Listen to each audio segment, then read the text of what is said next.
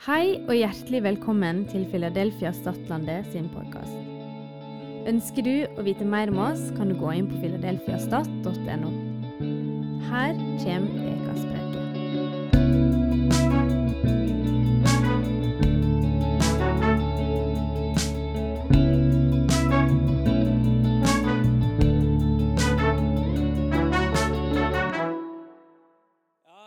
Aldri hørt om Meny, så dere forsto vel egentlig ikke den joken. Her har vi bunnpris, og der er i alle fall ikke noen ferskvaredisk. Men frossenvare, det har vi. Nei da. Eh, det fins mye en kan spøke om her. Jeg skal i dag snakke om nytt liv i ånd og sinn. Ser dere alle skjermen? Skal jeg flytte meg litt bort?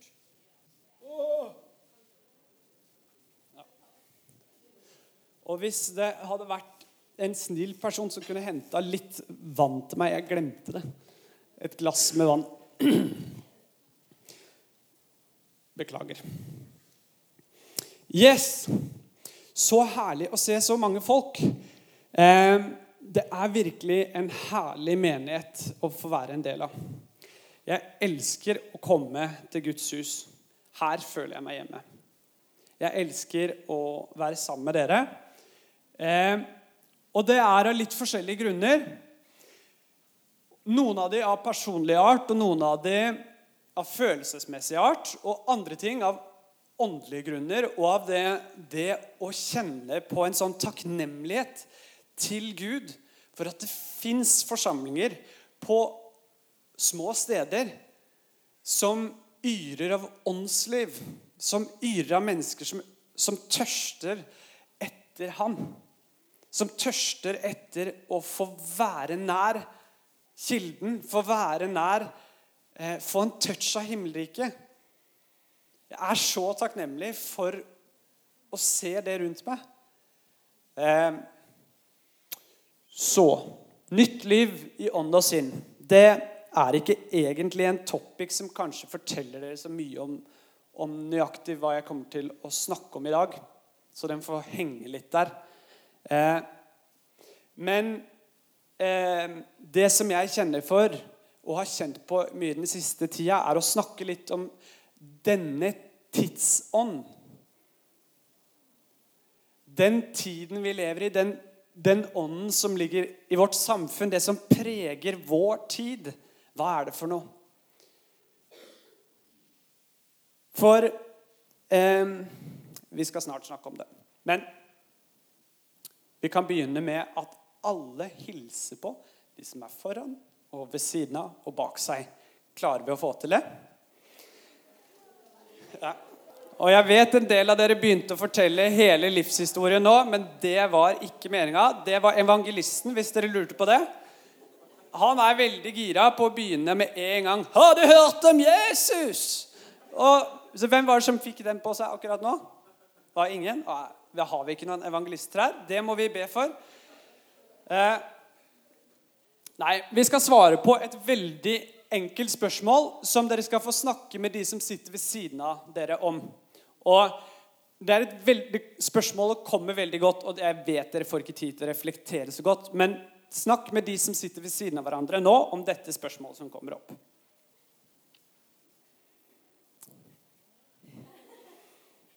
Kom det?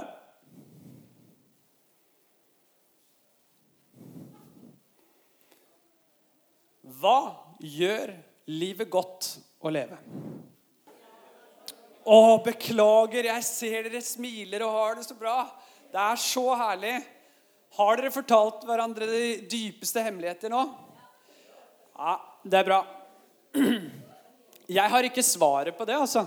Så hvis dere trodde at dere fikk svaret på det, så har ikke jeg det fulle, hele svaret på det.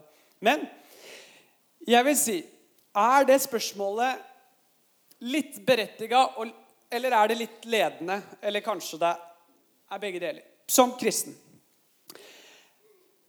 Dette er kanskje et litt sånn moderne spørsmål. Går det an å si det?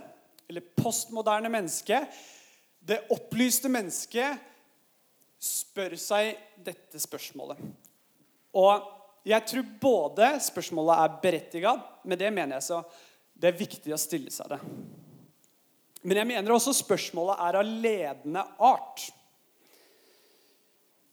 Fordi at spørsmålet det har en tendens til å dreie seg om personlig vinning.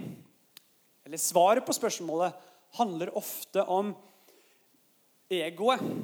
Hva det egoet trakter etter, leter etter, søker etter. Eh, det kan ofte gå inn på nytelse eller komfort. Eh, på bekostning av hva Bibelen snakker om.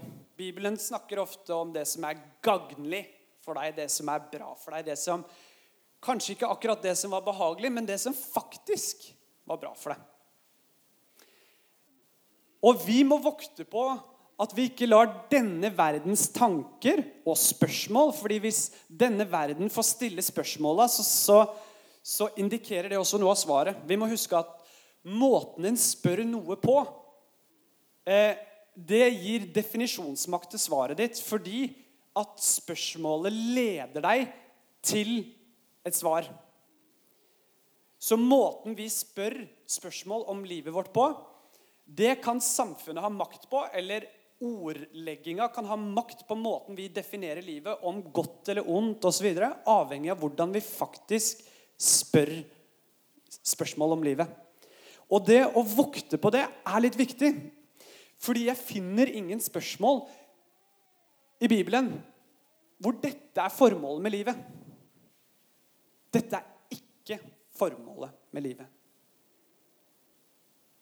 Det betyr ikke at det, er, at det, ikke er viktig, men når vi snakker om bibelske sannheter og hva, hva, som gir oss drive til å leve, så må vi vokte oss for at ikke vi lar det på bunn preges av tidens ånd, men at vi får preges av Guds ånd. Det står at vi skal la vårt sinn fornyes. At vi må la sinnet vårt bli mer likt Jesu tanke, lik Jesu ord og handlinger. Og Vi trenger faktisk ikke å være barn av vår tid, sånn som uttrykket sier. Uttrykket sier vi kan få være Guds barn. Tenk på det. Vi trenger ikke å være barn av vår tid. Vi kan få være Guds barn. Og det er noe helt annet. Hvis noen er enig, si Amen, så er dere liksom pinsevenner, OK? Er dere enige? Ah, det var bra. Så vi har noen, noen, fra Holland her bak som jeg hilste på. Hjertelig velkommen til dere. Nå kommer dere rett inn i pinsekarismatikken. Her, her sier vi amen når vi er enige, og håper dere kan tilgi oss for det. Ok, La oss lese sammen et bibelord. Jeg leser på norsk. Dette Det står i, i Efeserne 4, 17-32. Dette blir litt langt. Følg med. ok? Dette sier jeg da og vitner i Herren. Vandre ikke lenger slik som hedningene vandrer, som følger sitt tomme sinn. Deres forstand er formørket. De er fremmede for livet i Gud ved den uvitenhet som er i dem, fordi de har forherdet sine hjerter. Følelsesløse har de gitt seg over til tøylesløshet, så de lever i all slags urenhet og griskhet. Men dere har ikke lært Kristus slik å kjenne. Så sant dere har hørt om ham og har blitt opplært i ham, slik sannhet er i Jesus. Når det gjelder deres tidligere ferd, så må dere nå avlegge det gamle mennesket som er forderva ved de forførende lyster. Men bli fornya i deres ånd og sinn. Og ikle dere det, nye mennesket, som er skapt etter Gud i den rettferdighet og hellighet som er av sannheten. Legg derfor av løgnen og tal sannhet. Vær med sin neste. For vi er jo hverandres lemmer. Gi ikke djevelen rom. Den som stjal, må ikke stjele lenger, men heller arbeide og gjøre noe godt med sine egne hender, så han kan ha noe å gi til dem som trenger det. La ikke råtten snakk gå ut fra deres munn, men god tale som er nødvendig til oppbyggelse, og som bør gi til velsignelse for den som hører på. Og gjør ikke Guds hellige ånd sorg, han som dere har fått som seil til forløsningens dag. La all bitterhet og hissighet og sinne og skrål og spott være langt borte fra dere, liksom all slags ondskap. Vær gode mot hverandre, vis barmhjertighet, så dere tilgir hverandre, liksom Gud har tilgitt dere i Kristus.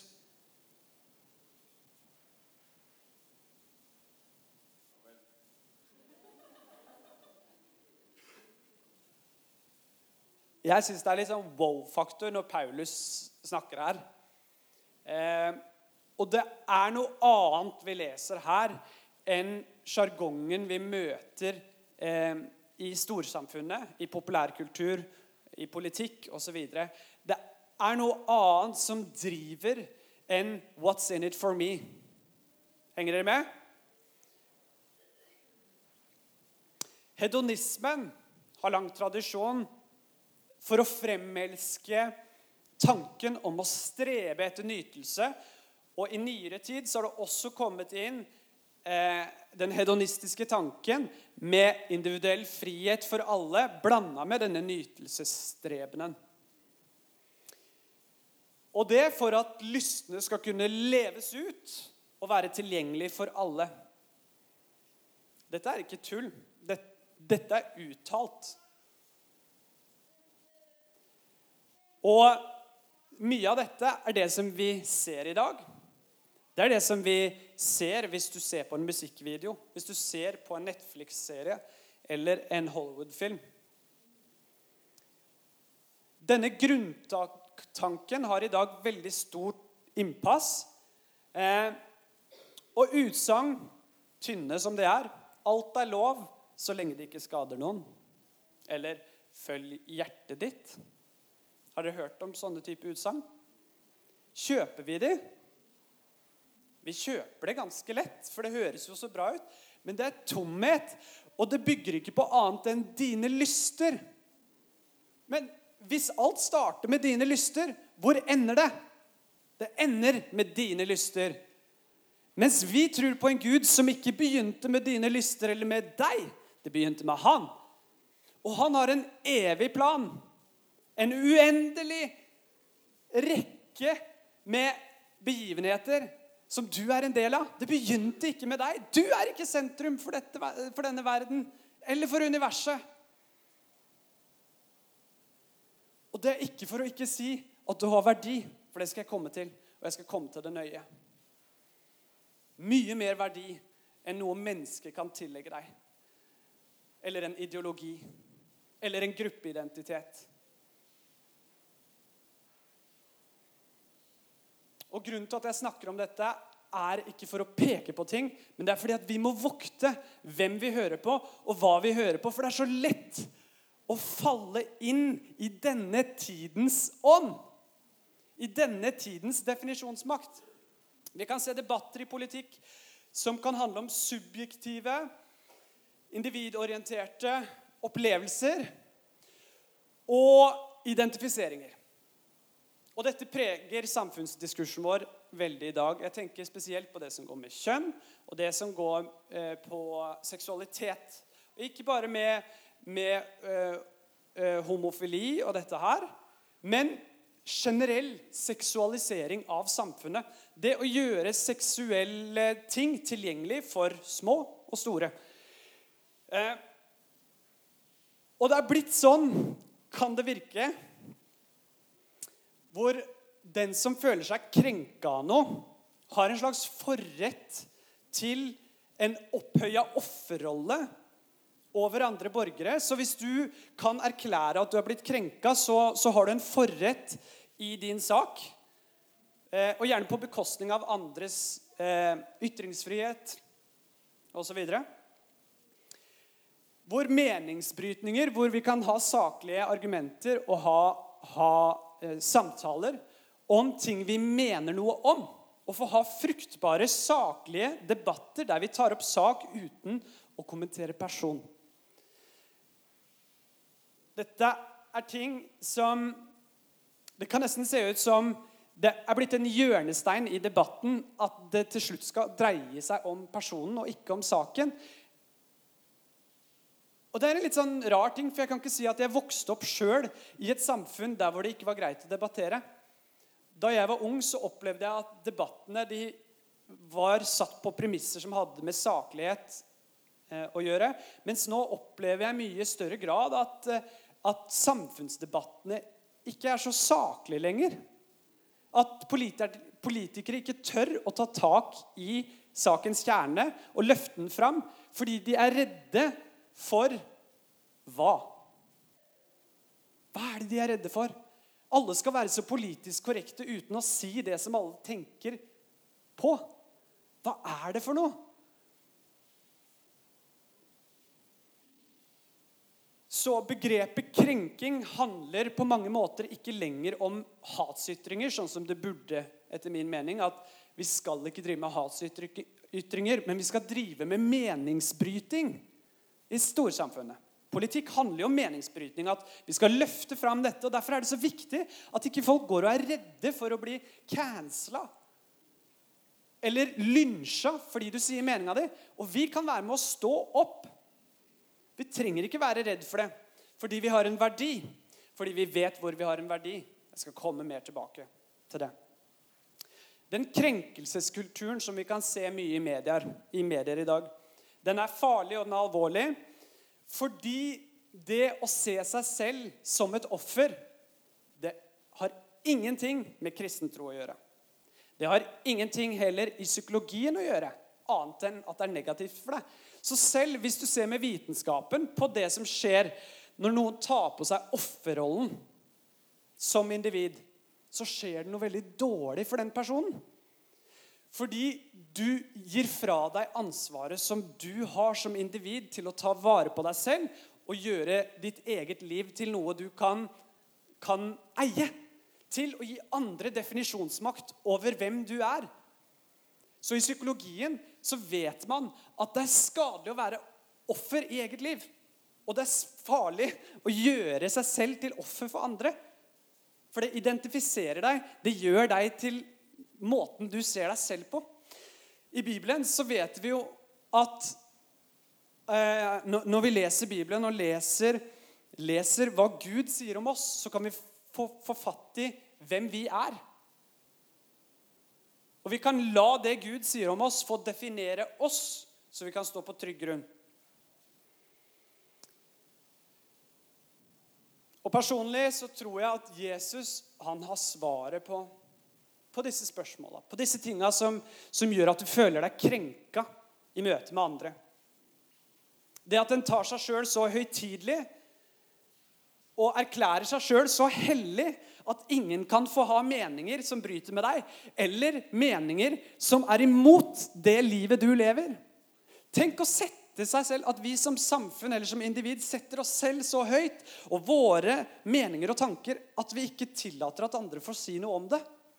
At vi blir så krenka. Hvor er vi da? Hvor er vi hvis ikke vi kan møte naboen vår? Ta dette videre ut i livet, fra individnivå til familieliv. Hvis ikke familien din kan snakke til deg, snakke med deg, veilede deg Hvor er vi da? Hvis ikke, hvis ikke du kan være med naboen din uten å bli krenka av at naboen din tenker noe annet enn det du tenker. Hva slags, Tror dere ikke de fikk det til, til å fungere i Jerusalem?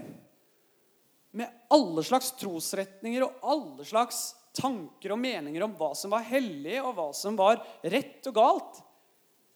Vi må klare å omgås som folk på tross av meningsbrytninger.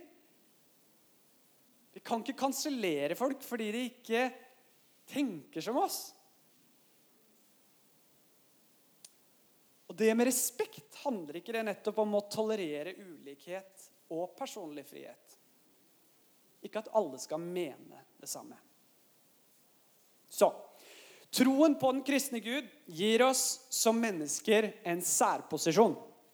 Fordi vi er skapt i Guds bilde. Det sier Bibelen. Så for den som tror på dette, så gir det deg en særposisjon.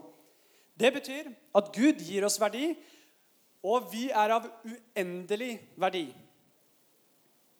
Fordi det er Gud som gir oss det. Derfor er selve bakgrunnen for menneskeverdet i den kristne tro det at Gud har skjenka oss det. Livet er gitt. Derfor er også livet hellig. Derfor er livet fra inni mors mage til død Det er hellig fordi det er Gud som har gitt det. Derfor er det så viktig å ivareta menneskeverdet, menneskets verdi. Og hør bare på denne salmen dere skal få høre. Av David. Jeg priser deg fordi jeg er virket på forferdelig underlig vis. Underfulle er dine gjerninger. Det vet min sjel så vel. Mine ben var ikke skjult for deg da jeg ble virket i lønndom, da jeg ble formet så kunstferdig i jordas dyp. Da jeg bare var et foster, så dine øyne meg. I din bok ble de alle oppskrevet, de dagene som ble fastsatt, da ikke en av dem var kommet. Hvor dyrebare dine tanker er for meg, Gud. Hvor veldig er summen av dem? Det er Gud som gir oss verdi. Og det er grunntanken for, for menneskeverdet. Det gir livet ukrenkelighet. Du kan ikke bli krenka i ytterste konsekvens. Er ikke det litt herlig? Er ikke det et bra fundament å bygge på? For da trenger ikke menneskefrykt være det som avgjør hva du gjør med livet ditt. Er ukrenkelig fordi Gud har sagt det. Punktum. Og så kan vi bygge deretter.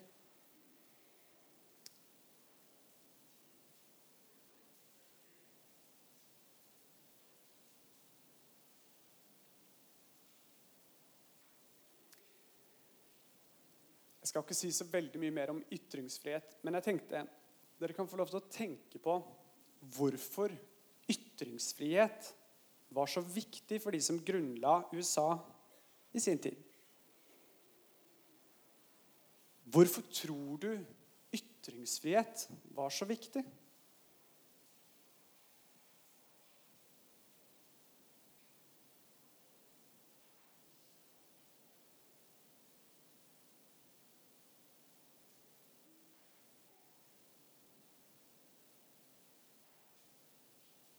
Er det noen som har noe innspill? Trenger ikke rekke opp hånda, kan bare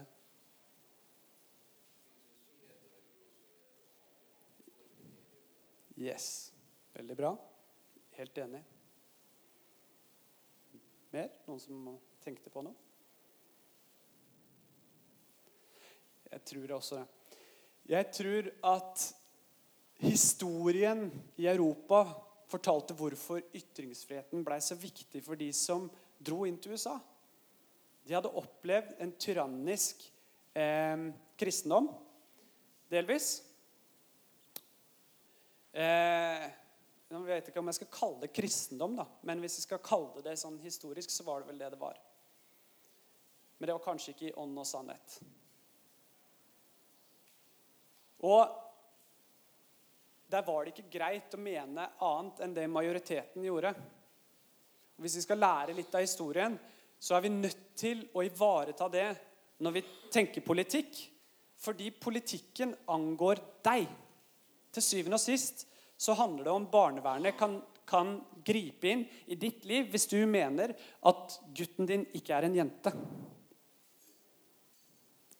Det er det det til syvende og sist kan handle om. Fordi lovverk de blir vedtatt i politikken, og ditt liv det preges av lovverket. fordi Kanskje er det sånn i dag i Norge at hvis du ikke vil tillate at noen definerer ditt barn, så du, kan du miste retten til ditt barn.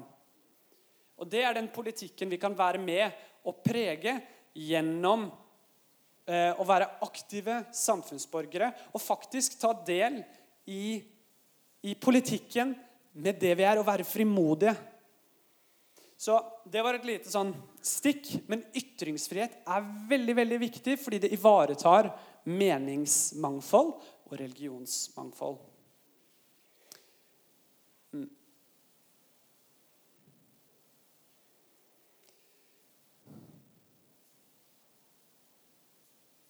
Jeg har hørt anerkjente samfunnskritikere si noe om noe sånn som dette. Vi kastet ut Gud fra kirka, og nå er politikken blitt hellig. Kritikken den rettes mot at meningsytringer og visse politiske debatter er blitt så hellig at det ikke er gjenstand for debatt lenger. Noe som er et paradoks. Fordi det politiske rom er ikke et hellig rom.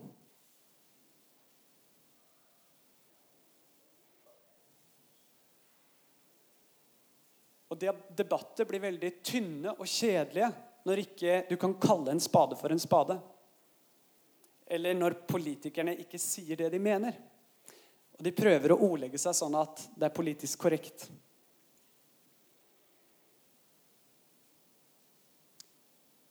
Og kanskje er det vi ser, en direkte konsekvens av sekulariseringa av samfunnet. Hvor Gud ikke får være den moralske vokteren, men at mennesket selv står i høysetet. For når mennesket selv står i høysetet, så vet vi hva som skjer. Hva skjer hvis jeg presterer å bli verdens beste surfer? Da er det jo søren meg jeg som har logga alle de timene for å bli så sinnssykt god og stilt opp og brukt alle penger og all min tid og all min kraft. Stolthet. Den som setter sitt liv over andre. Den er stolt. Og det står i 1. Peters brev 5.5 Gud står de stolte imot, men de ydmyke gir han nåde. Vi må la Gud få være herre, og resten av livet underordne seg deretter. Jeg får ikke til noen ting i meg selv. Jeg kan aldri bli verdensmester i meg selv. Altså, Blir du verdensmester, så må du sørge for at du i alle fall underordner livet ditt etter Gud. At, at du lar Han Når du er på ditt lønnkammer, så er det Han du priser. Det er Han som er takk.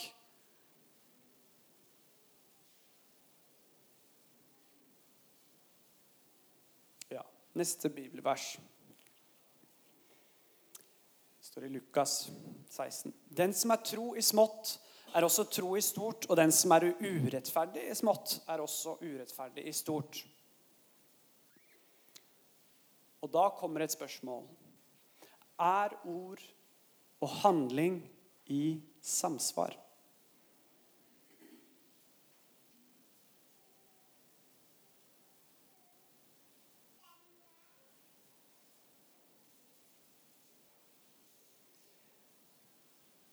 Det er av nåde vi er frelst ved tro. Det er ikke deres verk. La den stå. Men Og det har ikke noe men med frelsesverket å gjøre. Men det har med hvordan ser den troa ut som oppdager at nåden er gitt. Når nåden er gitt, når kjærligheten er opplevd, så gjør den noe på innsida. Og Det er derfor det med ord og handling i samsvar betyr noe. Fordi den kjærligheten som du har fått, den gjør noe med deg sånn at det går ikke an å elske noen og lyve dem rett opp i fjeset. Det er ikke greit. Det er ikke det bildet Gud gir oss av kjærlighet. Det er imot Guds natur å snakke usant. Så hvis vi gjør det, så er det heller ikke i tråd med som, den måten Gud elsker oss. Derfor så kan vi calle det ut. Så sier vi Jeg fikser ikke det.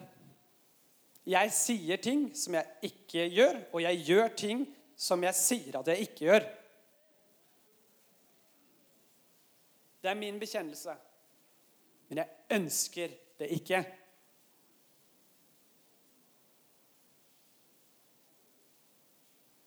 Det handler om å gi Gud rett. Så sier vi Det Gud sier, det er sant. Jeg fikser det ikke. Jeg vil omvende meg fra det. Og jeg ønsker å følge Guds ord. Jeg ønsker å gi han rett. Og det gjør du ved å gi han autoritet. Du gir Guds ord autoritet til å være rett og sier 'jeg har feil'. Det betyr ikke at jeg fikser alt, men det betyr at jeg ønsker at Gud skal ha rett. At han skal få definere. Og da gir du Guds ord autoritet i livet ditt. Og det er viktig, for vi kan ikke starte med å si ja, det er nok rett, men jeg får det ikke til, så da går det ikke. Vi, vi kan ikke starte der. Vi må, vi må gi Gud rett. Det handler om personlig integritet, og så handler det om skalerbart forvalterskap. Det er det som eh, Lukas skriver om, eller Jesus sier, at den som er tro i smått, blir tro i stort. Den som er urettferdig smått, blir urettferdig stort. Gud gir ettersom vi egner å forvalte. Gud gir ettersom som vi vokser i nåde. Vi vokser i tro og i sannhet.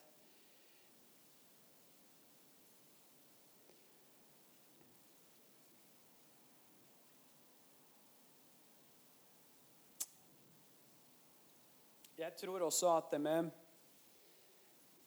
det med hedonistiske lyster og følelser og det som preger mye av vår kultur, det står for fall. Og det er ganske åpenbart når du, når du snakker om ting som skal være varig. fordi hvor mange i dag tenker lenger enn fem år? Det er kanskje Hvis vi tenker fem år på noe i livet vårt, så tenker vi nå tenker vi langt fram. Og kanskje det er en slags temperaturmåler på hvor langt inn i lystenes ånd vi er. Kanskje. Fordi det indikerer perspektivet vårt. Det indikerer at det, det, handler om det som skjer akkurat her og nå. Det er jo viktig, det òg.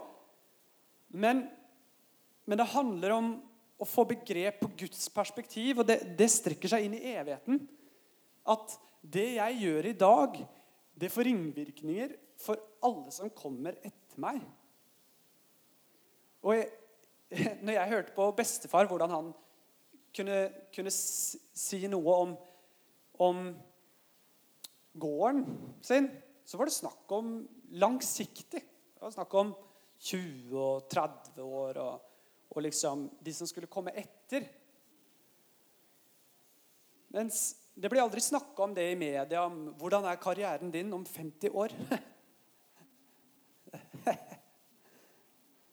Jeg veit ikke om det er noe bra salgstriks. Salmo sier i Forkynneren 1.: Jeg så alt det som ble gjort under solen, og se, alt sammen var tomt og jag etter vind. Oi. Han hadde prøvd alt av nytelse, alt av velstand, alt av rikdom, alt som kan kjøpes, alt som kan tenkes å gi deg lykke. Selv om Bibelen ikke sier så mye om lykke, så snakker samfunnet veldig mye om lykke og lykkefølelse. Og at kanskje målet med det postmoderne mennesket er lykke. Å oppleve lykke. Og han sier dette var den viseste mannen på sin tid. Alle kom for å høre på hans råd. For han sa så sykt mye som traff. Det traff når han snakka. Så han Jeg så alt det som ble gjort, og se, alt var tomhet og jag etter vind. Kanskje vi kan lære av den vise. At de fysiske, materielle ting er til syvende og sist tomt og jag etter vind. Vi må strebe etter de ting som varer inn i evigheten. Vi må skatte det som Gud skatter. Vi må ikke gjemme skattene våre i livet vårt og så la Gud få ha litt, litt rett eller få ha en liten skatt. Men tenk om ikke livet mitt kunne være noe som Gud skatter. At jeg kunne ta Guds skatt og få forvalte Guds skatt.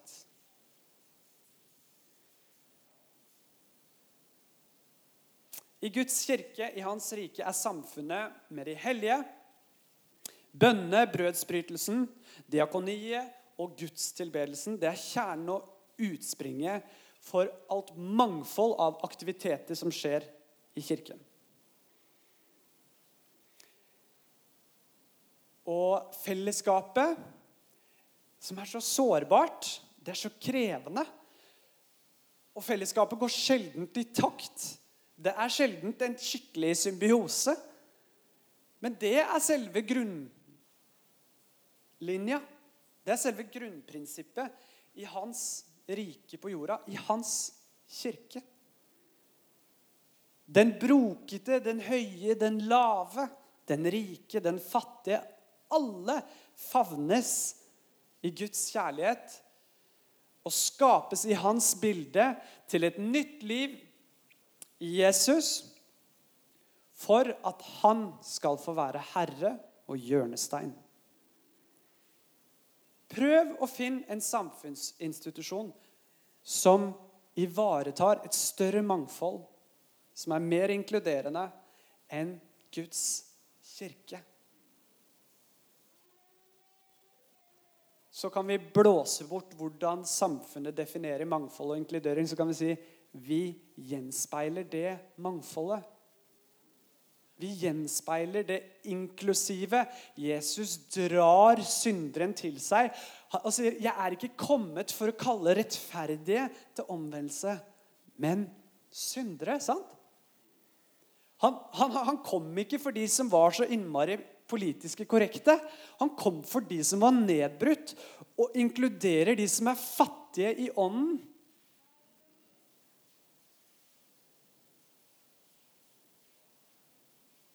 Kjærligheten håper, tror og tåler alt. Men den er først demonstrert fra Gud til mennesker, og ikke omvendt. Husk det. Fordi vårt samfunn prøver å definere hva kjærlighet er, hva tro er, og hva håp er.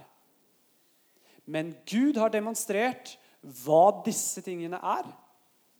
Og det er ikke noe som du gir til Gud, det er noe Gud har gitt deg for at du kan gi det til han, og han og du kan gi det videre. Henger med? Definisjonsmakten kommer fra han. Han har vist oss det, derfor kan vi gi det videre. Vi kan ikke elske Gud i oss selv, men fordi han elsket oss, kan vi det.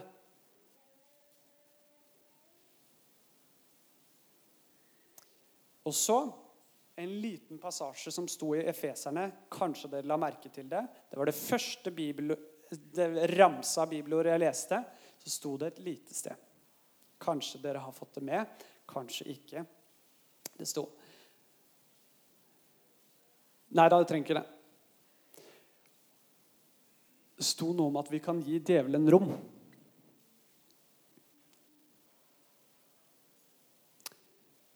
Og vi kan gi djevelen rom. Men det betyr også det motsatte. Vi kan stenge han ute.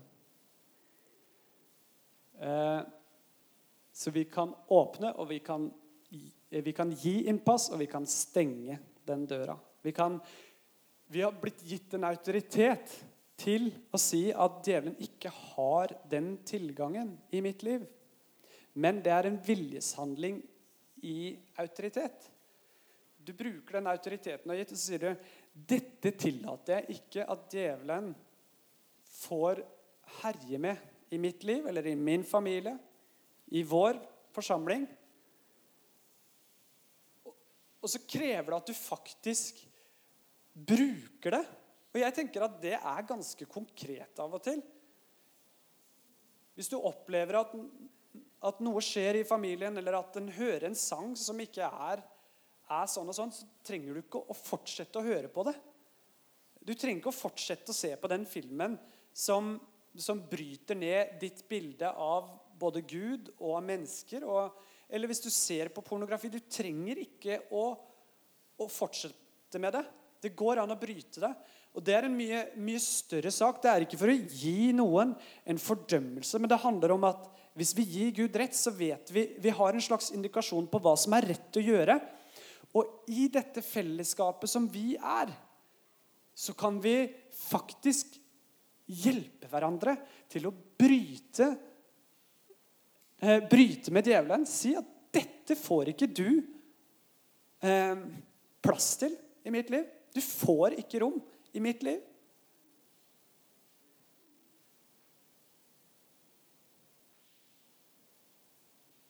Og jeg tenker det er ganske konkret. Og jeg kjenner for min egen del jeg trenger å gi avkall på noen ting som, som, som over år etter år etter år så har det bygd seg opp litt etter litt etter litt etter litt. Du vet, Djevelen kommer ikke med noe helt sinnssykt nytt med en gang. Han kommer med en bitte liten forvrenging av Guds ord. Og når du stoler på det istedenfor det 99,9% som du vet er sant, men hører på den lille promilla, så går den på en måte gjennom grøten, og så blir den promilla den blir til en prosent, og så blir den 10 etter hvert, og så blir den 90, og så blir den 100% Da er alt løgn. Og jeg tror vi er litt der i storsamfunnet òg vi slukte noen små forvrengninger av Guds bilde, av Guds ord, og så blei den større og større, og nå er den ganske synlig i storsamfunnet hvor pervertert mye er, hvor seksuelt og absurd og, og eh, perverst mye ting er. Og det er egentlig åpent for alle å se, men likevel så er det et slør. Skal vi be sammen? Men når vi ber, så skal vi be i autoritet. Løft, vi, vi, vi, reiser oss sammen. Jeg skal avslutte. Men vi tar hverandres hender, de som er på benkeradene, og så skal vi be i Jesu navn. Yes. Herre Jesus, tilgi meg for at jeg ikke klarer å si ting kortere. Og Jeg ber bare om at uh, ditt ord får ha framgang. At, at, det som var fra deg, at det får stå. Alt annet imellom, at det bare får falle til jorden nå. Men i Jesu Kristi navn, jeg ber om at i den myndighet og i den autoritet som vi som kirke er gitt, så bryter vi med djevelen i dag i Jesu navn. Vi vil ikke gi djevelen rom. Vi ber for hver enkelt som sitter her, som har utfordringer i sine liv med, med å ivareta renhet, eh, hellighet, og, og, kjenner at den blir fordømt av ting en gjør, så bryter vi med det i Jesu Kristi navn. Vi ber om at det nye livet skal få spire, at din ånd skal få være virksom i livet våre. Så vet vi at, eh, at eh, at det er du som virker i oss til å ville og gjøre etter din gode vilje. Og når du virker i oss, så ønsker vi å adlyde, Herre. Jeg ber om at når, når, vi kjenner på kallet til å adlyde, at vi også skal få, få kjenne at vi med, med, vår vilje virker med deg til å gjennomføre det. Så bryter vi lenker i Jesu navn.